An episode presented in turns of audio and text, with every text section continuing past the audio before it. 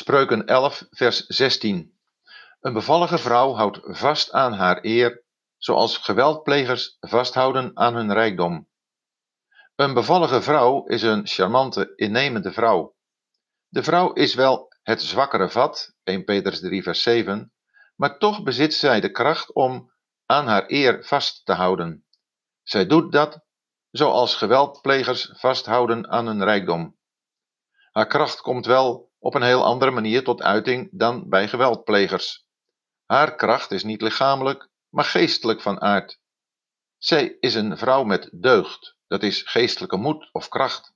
Een vrouw die op God vertrouwt. Een voorbeeld van zo iemand is Rut. Ze is bevallig of innemend omdat zij aan onvergankelijke eer vasthoudt. Die eer blijft bestaan, ook als de uiterlijke schoonheid afneemt. Zij kent de waarde daarvan.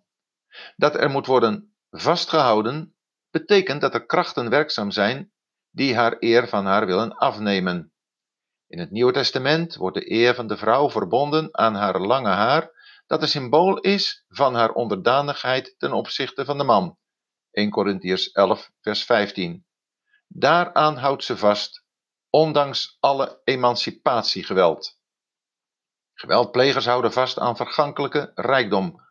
Om hun rijkdom veilig te stellen, gebruiken ze lichamelijk geweld tegen hun naasten.